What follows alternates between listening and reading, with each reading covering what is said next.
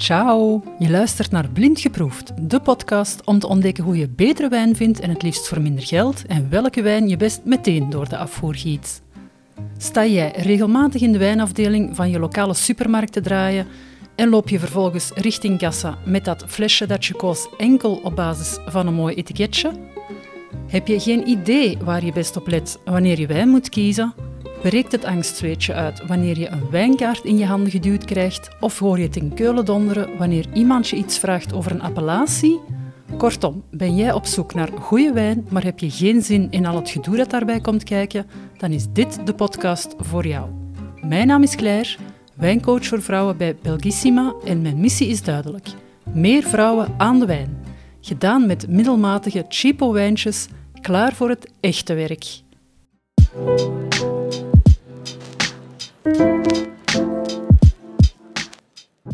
Welkom in aflevering 10 van Blind Geproefd. En het is meteen de voorlopig laatste aflevering. Ik kreeg al een berichtje van een luisteraar die heel erg teleurgesteld was dat het hier zou ophouden, maar het is geen definitief afscheid. Het is enkel de laatste aflevering van dit eerste seizoen. En ik plan in ieder geval wel een tweede seizoen, dus rest assured, er komt meer wijnnieuws jouw kant uit. In deze tiende episode bepaalde jij mee het onderwerp, want dit wordt een Ask Me Anything aflevering. En jullie konden jullie wijnvragen aan mij doorsturen en daar heb ik er een zevental uitgekozen. Here we go.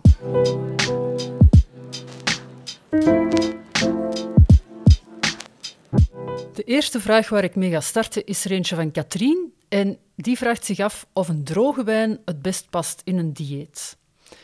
Um, het antwoord is ja, want hoe droger een wijn, hoe minder restsuiker dat die bevat. Om van druivensap wijn te maken, moeten alle aanwezige suikers in het druivensap worden opgegeten door de gist, die dat dan weer wordt omgezet in alcohol. Dat is de alcoholische fermentatie of vergisting, dus het proces waarbij dat druivensap alcohol wordt. En het basisprincipe is dat een volledige alcoholische vergisting alle suikers opeet en die omzet in alcohol, waardoor dat er in principe geen restsuikers zouden overblijven in de wijn. Maar soms zijn er zoveel suikers aanwezig dat de gister ook niet alle suikers opgegeten krijgen en dat er ook restsuikers achterblijven. Of het kan ook een bewuste keuze zijn van de wijnmaker om een half zoete of een zoete wijn te maken door de alcoholische vergisting vroegtijdig te onderbreken, waardoor dat er meer suikers gaan achterblijven in de wijn, die dat dus niet de kans hebben gekregen om opgegeten te worden door de gist en om omgezet te worden in alcohol. Een andere optie kan ook nog zijn dat je vooral in schuimwijn tegenkomt, is dat er uh, op het einde van het proces, van het vergistingsproces, en dus vlak voordat de uh, de schuimwijn klaar wordt gemaakt om op de markt te komen, dat er dan nog eens een extra dosage van restsuikers wordt toegevoegd. Maar daar kom ik zelfs op terug.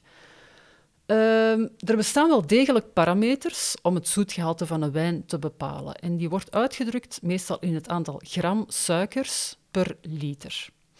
En die worden vooral prominent weergegeven bij schuimwijn. Vandaar dat je ook die, die aanduidingen ziet van brut of extra brut, extra dry enzovoort op een fles schuimwijn.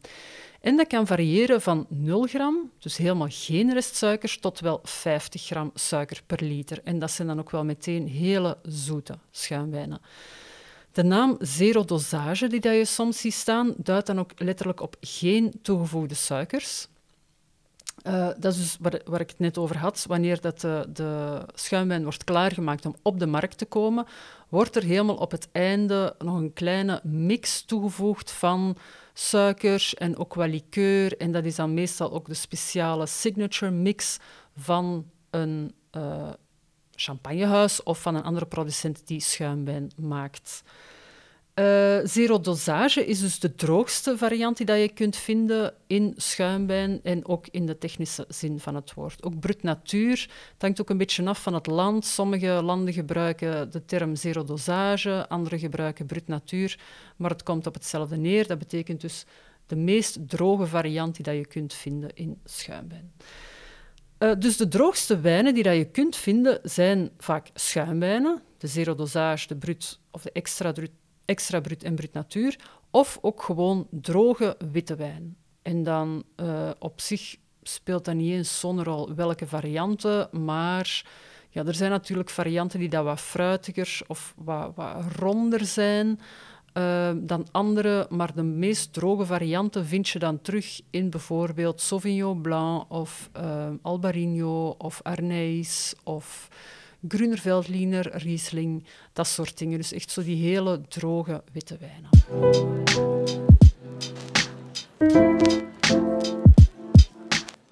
Elke vroeg zich af waar, waar en hoe mijn liefde voor wijn is ontstaan. Uh, vooral thuis eigenlijk. Um, om nu te zeggen dat het mij met de paplepel is ingegeven, is overdreven. Uh, maar mijn vader was wel een ongelooflijke wijnliefhebber en kenner. En zijn voorkeur ging wel vooral uit naar Franse wijn. Dat was zo in die tijd. Uh, maar ook wel sterk naar Italiaanse wijn, gelukkig. want het is allicht dankzij hem dat ik vandaag zoveel van Italiaanse wijn hou. En ik heb thuis ook altijd het geluk gehad van altijd heel lekker eten op tafel te krijgen. Mijn ouders hebben veel kookcursussen gevolgd. Er waren echt amateurchefs. Uh, dus bij ons thuis, zeker in het weekend, uh, werd er zo wel wat een extra effort gedaan. En uh, dat was het echt wel zo alsof je op restaurant ging eten. Uh, en daar hoort ook een goede fles wijn bij natuurlijk. Bovendien gingen we ook best wel vaak op restaurant. Eten en drinken was gewoon heel belangrijk bij mij thuis. Dus wij dronken ook regelmatig wijn en dan ook wel goede wijn. Dus ik ben daar gewoon ja, spoiled for life, denk ik. En toen ik zelf op kot ging, wilde ik uiteraard ook goede wijn drinken, maar dat bleek dus minder evident als je niet zoveel van wijn kent. En daarom ben ik zelf wijncursussen gaan volgen en daar is die passie ook echt ontstaan. Ik ben dan vervolgens echt puur uit interesse op zaterdag beginnen werken in een wijnwinkel ook om, om meer kennis op te doen. En daarna ben ik ook, uh, heb ik ook vijf jaar voltijds als uh, wijnprofessional in de wijnsector gewerkt.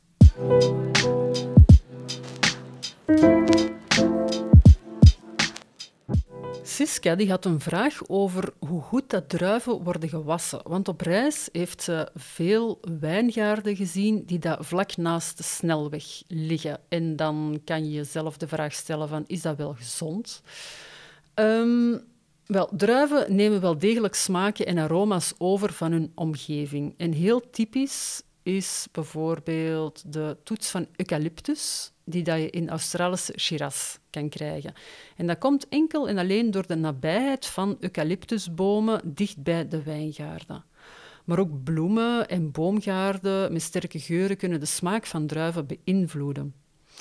Ook druiven die uh, groeien dicht bij de oceaan bijvoorbeeld, die kunnen een zilt karakter krijgen van het zoute zeewater dat met de wind wordt meegebracht op het land.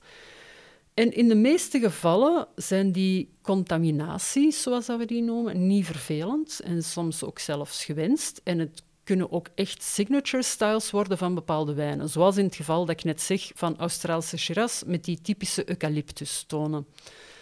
Vervelender wordt het wanneer dat ongewenste geuren of smaken terug te vinden zijn in de wijn. Uh, in het Engels noemen ze de taint van een wijn of de besmetting en het wordt ook echt als een fout gezien in wijn. Dat kan bijvoorbeeld veroorzaakt worden door rook als gevolg van bosbranden. Iets waar ze in Australië de laatste jaren heel vaak mee te maken krijgen, maar ook uh, recent in Californië zijn er ook grote bosbranden geweest, waarbij dat er veel wijngaarden ook verloren zijn gegaan, gewoon opgebrand. Maar zelfs de wijngaarden die gespaard blijven van de effectieve brand, maar die daar in de nabijheid liggen van die brandhaarden, die kunnen besmet worden door de rook die daar wordt veroorzaakt door die branden. En daarmee kan ook gewoon echt een volledige oogst verloren gaan, enkel en alleen door de blootstelling aan die rook. Uh, dus Suska vroeg zich heel terecht af hoe dat, dat zit met de besmetting ten gevolge van verkeerspollutie. Hè. Snelwegen, veel uh, CO2, routes, kan het mij allemaal voorstellen. Um, ik moet bekennen dat ik er eigenlijk heel weinig informatie over heb teruggevonden, over dit onderwerp. Dus ik ga jou enkel mijn eigen conclusies en aannames meegeven. Uh, maar ik vind het wel tof dat de aandacht er eventjes op wordt gevestigd, want ik ga daar nu wel eens meer op letten en ik ga die vraag ook eens vaker stellen aan wijnmakers. Uh, maar voor nu ga ik eens enkele aspecten bekijken waarmee dat we misschien wel het antwoord op die vraag kunnen vinden. Ten eerste kun je afvragen van, worden druiven gewassen na de oogst? Um, in de meeste gevallen niet. De meeste wijnmakers doen dat niet. Uh, het zou heel arbeidsintensief en dus ook duur zijn om druiven te wassen. Maar het zou ook het risico op beschadiging van het fruit vergroten. En bovendien zou ook resterend water het eigenlijke druivensap kunnen verdunnen. Ik vermoed dat dat daarom ook gewoon echt is gereglementeerd dat er geen toevoegingen, maar dus ook geen water mag toegevoegd worden aan, uh, ja, aan het fruit dat dan geperst wordt. Is dat dan niet ongezond? Wel, voor witte en roséwijn stelt het probleem zich minder, omdat voor die wijnsoorten dat er eigenlijk heel weinig of geen contact is tussen het sap van de geperste druiven en de schillen. Wanneer de druiven na de oogst arriveren op het wijnbedrijf, dan worden die vrijwel meteen geperst. En rode wijn krijgt zijn rode kleur door een langdurig contact van het geperste druivensap met de schillen van die druiven. Die worden samengehouden, die worden zelfs uh, wat gemixt. Uh, dat kan echt gaan van, van een dag tot wel langer, tot weken of zo, dat dat sap in contact blijft bij de schillen. En dan kan ik me voorstellen dat wat er op die schil aanwezig is, dat dat ook wel wordt doorgegeven aan het druivensap. Maar in het geval van witte, druiven, uh, ja, van witte druiven worden de schillen meteen van het sap gescheiden. En dus de overdracht van schadelijke deeltjes wordt daarbij tot een minimum gereduceerd, kan ik mij voorstellen. En in het geval van vervuiling als gevolg van verkeer, dus uitlaatgassen en roet, uh, het is opnieuw een aanname, maar kan ik mij ook voorstellen dat dat eerder solide deeltjes zijn die dat zich vastzetten op de schil, eerder dan aroma's die dat door de schil in de druif gaan dringen. Nu, dit gezegd zijnde, ik heb zelf op vakantie ook al vaak wijngaarden naast autowegen gezien. En er is natuurlijk een verschil in de grootte of in de capaciteit van, van wegen. Er zijn landwegen die daar helemaal niet zo druk uh, bereden worden, maar er zijn ook inderdaad snelwegen. En het type wijngaard dat je naast zo'n snelweg ziet, produceert hoogstwaarschijnlijk eerder goedkope witte wijn. Om de simpele reden dat dat soort wijnen, dus witte wijn in de eerste plaats, en dan ook nog eens uh, wijn die in grote volumes wordt gemaakt aan lagere prijs, dat die heel weinig tot geen contact krijgt met de schil. Maar opnieuw, het is een veronderstelling van mij. Wijngaarden naast rustige wegen, naast landwegen, die zie je veel vaker. En die worden ook bewust aangelegd voor de logistiek van de wijnindustrie. Zekere wijngaarden die dat machinaal worden geoogst, moeten makkelijk toegankelijk zijn voor die grote oogstmachines. En ook natuurlijk voor het transport uh, van de druiven van de wijngaard naar het wijnbedrijf. Uh, en in eerdere aflevering vertellen we ook al eens dat machinale oogst vooral wordt gebruikt voor het goedkopere segment van wijn. Heel veel premiumwijn komt van wijngaarden die daar op hellingen liggen en die daar vaak ook niet uh, toegankelijk zijn voor zo'n grote oogstmachines en die dat dus allemaal handmatig moeten geoogst worden. Dus daarom ook ga ik ervan uit dat vooral goedkopere wijn afkomstig is van die wijngaarden naast drukke snelwegen. Maar opnieuw, ik uh, ja, schiet mij nu niet af, uh, moest het nu niet zo zijn, maar ik vind dit wel logische aannames voor het gegeven van wijngaarden naast een snelweg.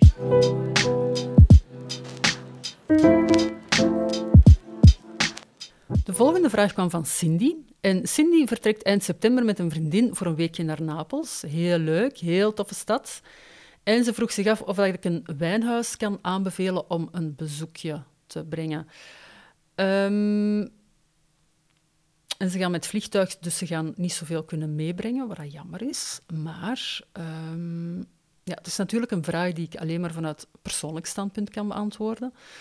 Uh, Napels ligt in de regio Campania en um, ligt vlak naast de Vesuvius. waarvoor dat Napels ook wel bekend staat. En de regio Campania staat bekend voor enkele witte en rode wijnen. En in wit zit een groot deel van de productie ook wel redelijk dicht bij de Vesuvius uh, en ligt voornamelijk ten uh, zuidoosten van de stad Napels. Net zoals bijvoorbeeld op Sicilië uh, zijn veel van de beste witte wijnen afkomstig van vulkanische ondergrond of toch van wijngaarden die daar heel dicht bij de vulkaan liggen. Die leveren vaak heel minerale wijnen op en in Campania is dat ook niet anders. In wit zijn vooral de druiven Greco, Falangina en Fiano de beste wijnen die dat je kunt vinden. En waarbij dat Greco di Tuffo specifiek en Fiano di Avellino de enige DOCG-classificaties in wit zijn. Dus DOCG is in Italië de hoogste kwalificatie, dus staat garant voor de hoogste kwaliteit. De beste exemplaren hebben ook een heel mineraal karakter en zijn, soms zelfs een beetje zilt, hè, want Napels ligt ook in de baai vlakbij de, de, de zee. En in rood uh, is eigenlijk Aglianico de ster van Campania. Ook is een druif die dat je er regelmatig tegenkomt. Um, en dan ook nog een specialeke in deze regio is de Lacrima di Christi, letterlijk de tranen van Christus. En die wijn wordt gemaakt van druiven die dat op de hellingen van de Vesuvius groeien. De naam die komt van een oude mythe waarbij dat Christus zou huilen om de val van de engel Lucifer, waarbij dat die laatste on the way out uh, een stukje van het aardsparadijs brak. En dat stukje dat vormt dan nu de baai van Napels en de Amalfitaanse kust. Toegegeven, beide plaatsen horen bij de mooiste stukjes van Italië. Um, en de tranen die dat Jezus liet voor het verlies van dat stuk paradijs, die vielen op de hellingen van de Vesuvius en daar groeit dus nu de Lacrima di Christi. Ja, Napolitanen hebben nogal een gevoel voor drama um, en dat vertaalt zich dus perfect in deze wijn. En de wijn bestaat in zowel wit als rood. Dus zeker een paar opties om te verkennen. Uh, persoonlijk liggen de rode wijnen van de regio mij minder, omdat ze doorgaans nogal zwaar zijn en veel alcohol bevatten. Maar dat is heel persoonlijk. Als dat jouw ding is, dan zou ik zeggen, vooral doen. Uh, er zijn ook wel lichtere, elegantere exemplaren te vinden, dus uh, dat komt zeker goed. Wat je vraag over de wijnhuizen betreft, uh, in Napels zelf, in de stad, ga je niet zoveel wijnhuizen vinden, tenzij misschien van de grote uh, batten die dat daar een filiaal hebben. Maar de meeste, uh, meeste wijnhuizen liggen ook wel in de nabijheid van de wijngaarden en die bevinden zich meestal zo wat meer ten zuidoosten van Napels.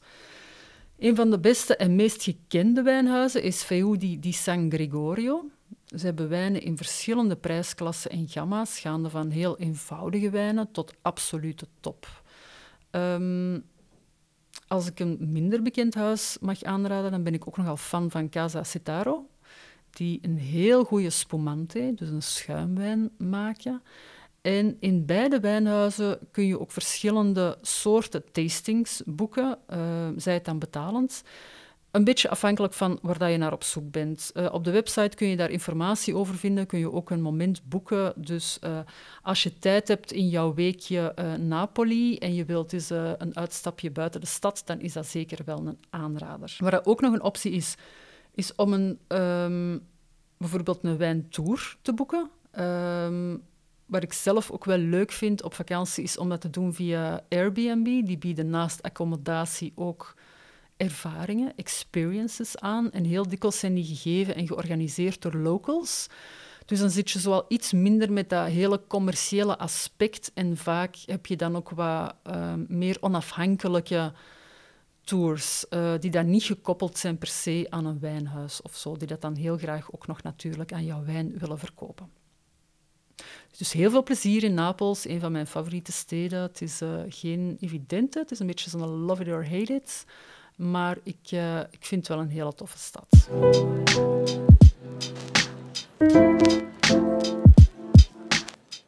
Tine vraagt zich af wat mijn favoriete wijn is.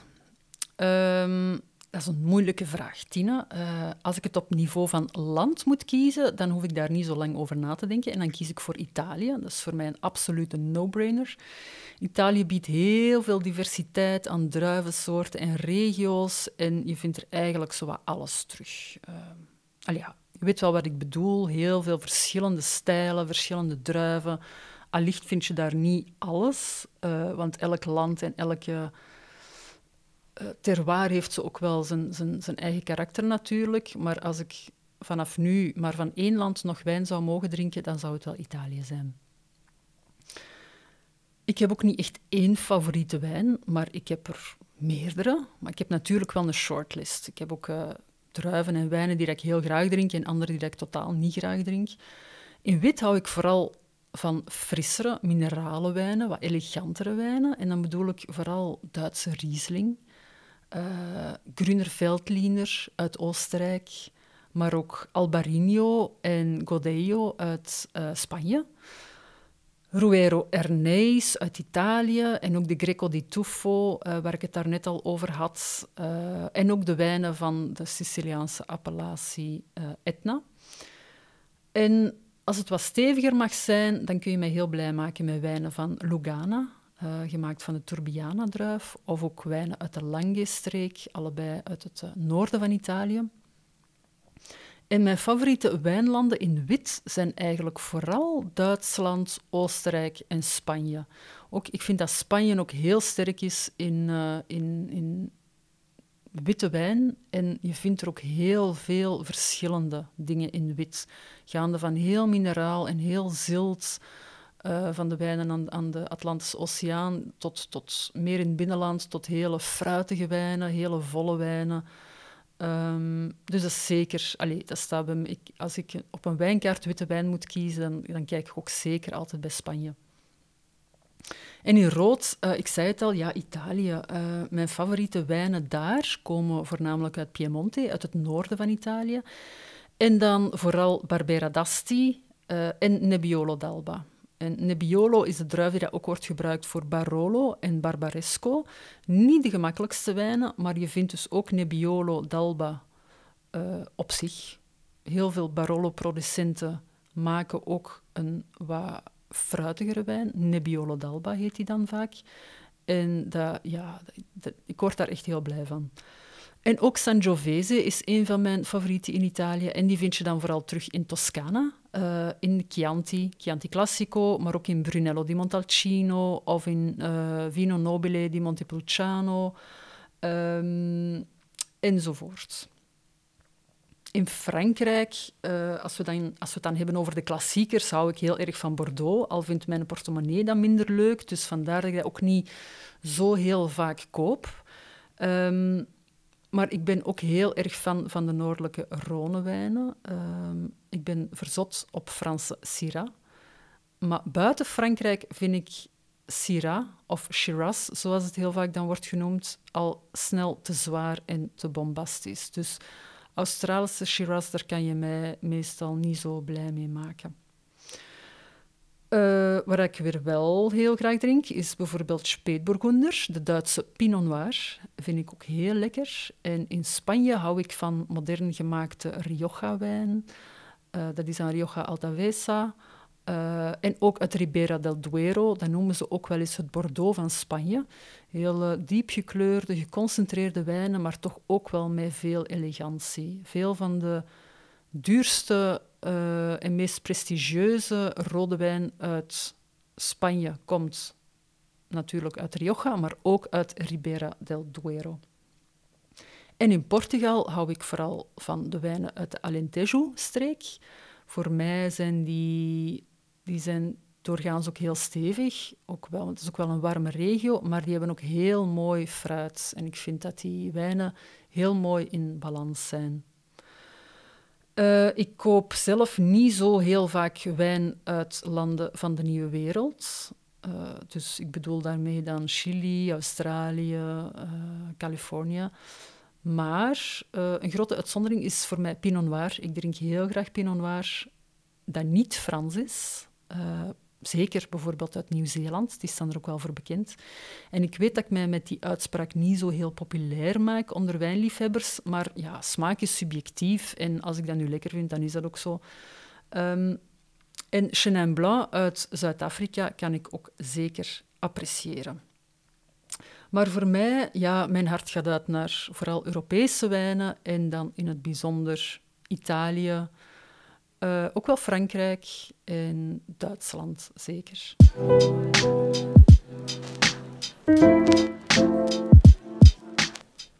Een korte vraag met een kort antwoord van Miet.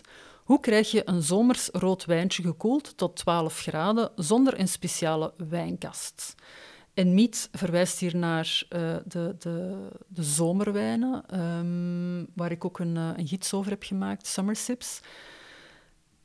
Een heel recht toe, recht aan antwoord. Gewoon in de koelkast zetten en een half uurtje op voorhand eruit halen.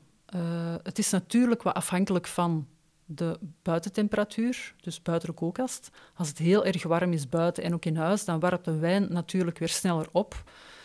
Dus je moet zelf een beetje zien. Uh, je moet daar echt niet met een thermometer bij zitten. Um, maar als je ervan uitgaat dat 18 graden, zo wat de oude kamertemperatuur is, en 6 graden ongeveer de koelkasttemperatuur is, dan zit die 12 graden daar ergens tussenin. Dus ik denk dat een half uur tot misschien drie kwartier een goede indicatie is om de wijn dan uit de koelkast te halen alvorens dat je hem gaat serveren.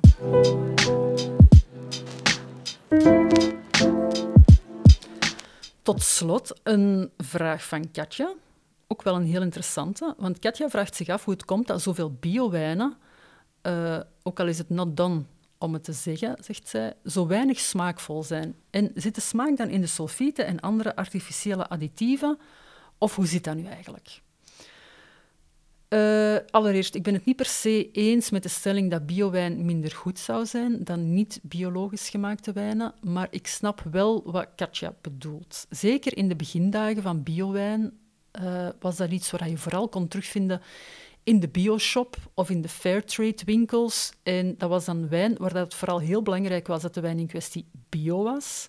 En de smaak was dan precies wat van ondergeschikt belang of zo.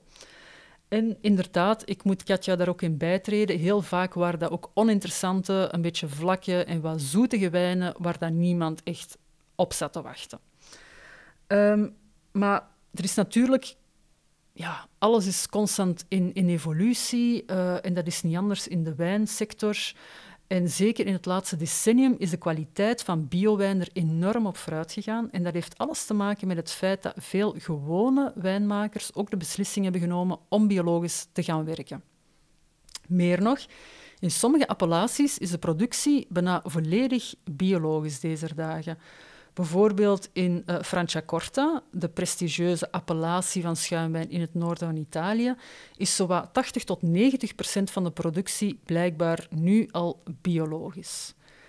En een bevriende Italiaanse wijnhandelaar verklapte mij dat het vaak niet eens uit overtuiging is dat ze biologisch gaan werken, maar wel omdat het gewoon goedkoper is, omdat ze dan geen dure chemicaliën moeten gebruiken.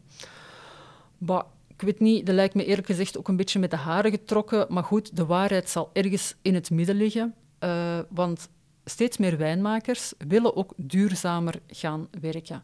En dat houdt dan vanzelf in dat ze minder of zelfs geen sulfieten meer gaan gebruiken en ook alsmaar vaker gaan kiezen voor een meer geïntegreerde pestbestrijding, zoals dat dan heet. Dus dat betekent dat er in plaats van chemicaliën, sulfieten enzovoort, dat er natuurlijke vijanden van de ongewenste microben en organismes in de wijngaard worden ingezet. Uh, dat is dan in de vorm van uh, lieve en vlinders bijvoorbeeld, die dat dan zo die kleinere organismes, bladluizen enzovoort, opeten en daarmee de wijngaard en de druivelaars gezond houden. Um, een goede indicatie trouwens daarvoor is voor de wijnmaker. Uh, je hebt dat misschien al wel eens gezien. In sommige wijngaarden zie je aan de kop van al die rijen uh, wijndranken zie je vaak bloemen staan. En heel vaak zijn dat rozen. Omdat rozen heel gevoelig zijn voor dezelfde soort van organismes en bladluizen die dat ook de druiven, uh, de druivenstokken kunnen aantasten. Als de wijnmaker ziet dat die rozen dat die het goed doen, dat die gezond zijn, dan weet hij dat de, zijn planten ook gezond zijn. Als die bloemen begint schade te vertonen, dan weet hij dat hij moet ingrijpen en dat er iets aan de hand is. Maar goed, dit uh, dus eventjes uh, als een zijsprongetje. Um, dus steeds meer wijnmakers willen ook biologisch gaan werken. Ik liet mij ook vertellen door een uh, Franse wijnmaker die uh, in Limoux is gaan wonen en die dat zei van, die, ja, dus ze zeggen, hij was een uh, Engelse bankier in Londen, in de city, en was er helemaal klaar mee met uh, de rat race en heeft beslist om met zijn familie naar Frankrijk te verhuizen en daar wijn te gaan maken. Die man maakt fantastische wijn. Het wijnhuis heet Domaine Bigude. En uh, hij heeft beslist om volledig biologisch te gaan werken, omdat die, zijn redenering was van ja, ik ga daar tenslotte in dat huis met mijn gezin wonen, te midden van die wijngaarden. Dus ik wil niet dat mijn gezin en ik zelf worden geïnfecteerd door al die chemicaliën. Wat dat, klinkt logisch, vind ik. Um, vergeet ook niet dat veel wijn die niet officieel biologisch gecertificeerd is, dat misschien al wel is. Uh, een wijnmaker kan ervoor kiezen om niet het biolabel te gebruiken, hoewel dat die misschien wel biologisch of bijna volledig biologisch werkt, net om net iets meer vrijheid nog te hebben om in te grijpen, moest het dan toch een keertje nodig zijn.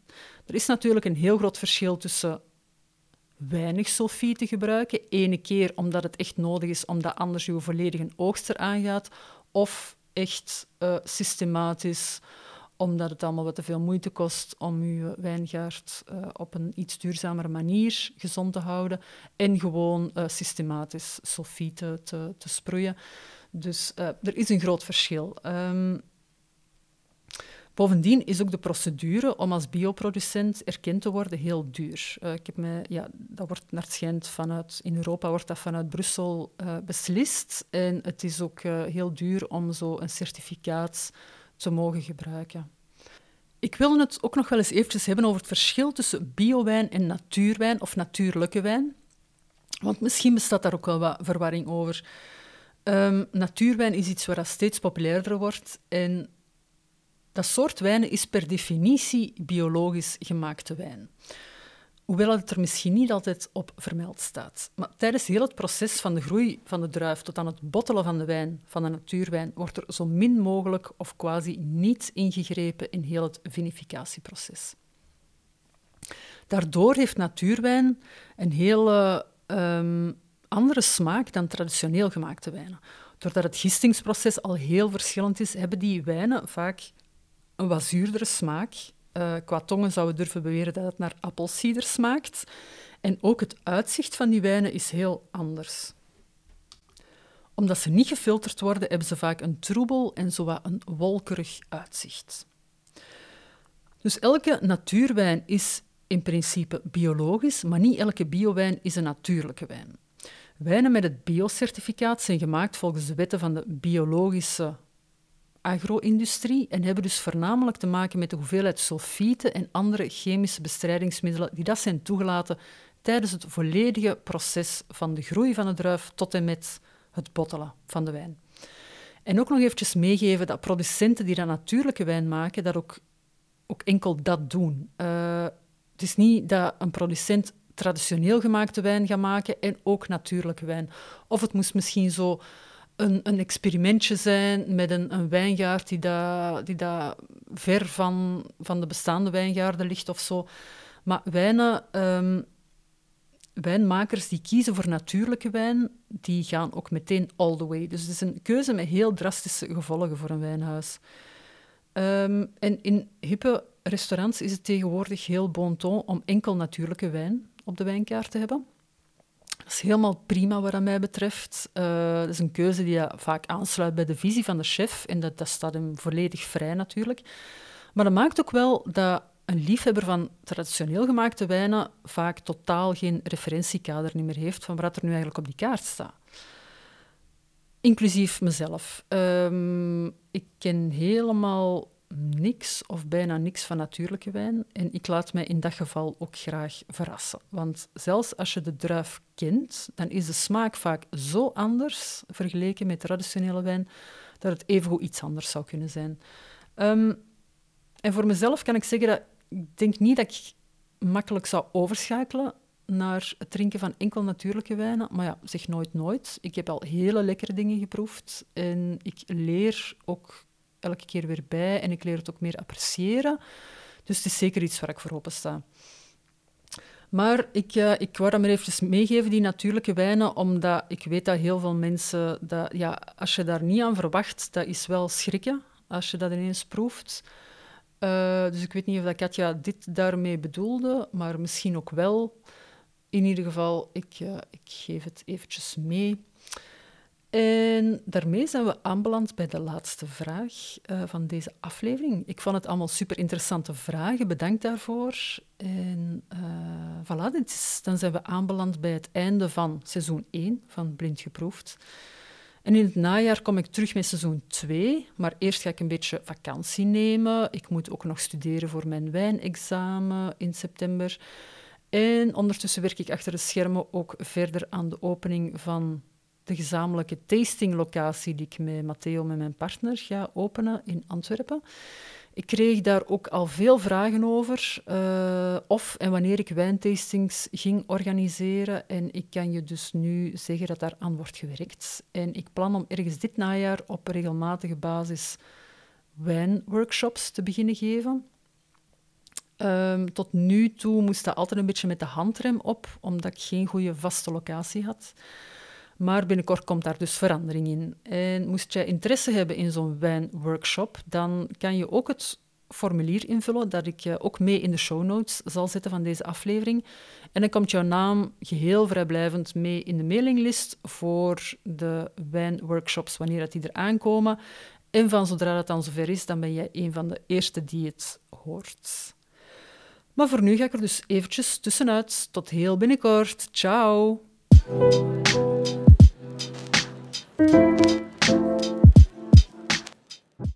Zo, dat was hem voor deze keer. Ik vond het super dat je erbij was en ik hoop dat je er evenveel aan hebt gehad als ik.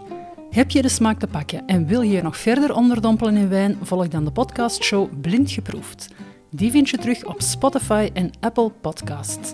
Wist je dat je ook heel makkelijk een review kan achterlaten over deze podcast? Ga naar de podcast-app waarmee je deze podcast beluistert en klik op Reviews.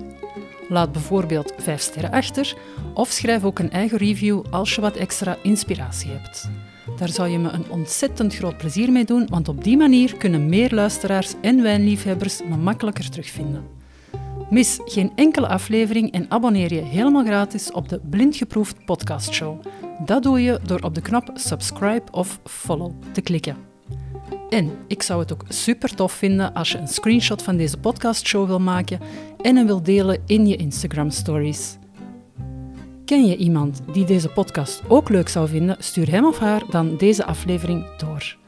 Via Spotify kan dat heel makkelijk door op de drie bolletjes naast de aflevering te klikken en dan te kiezen voor Share. Krijg jij maar niet genoeg van wijn, dan kun je me ook volgen op mijn Instagram-account Belgissima en op mijn blog die je terugvindt op de website belgissima.be. Heb je een vraag of een suggestie? Stuur me dan een bericht op claire.belgissima.be of stuur een privébericht via de Instagram-account van Belgissima. En nu is het tijd voor een goed glas wijn. Bedankt voor het luisteren en tot binnenkort met meer vrouwen aan de wijn. Ciao!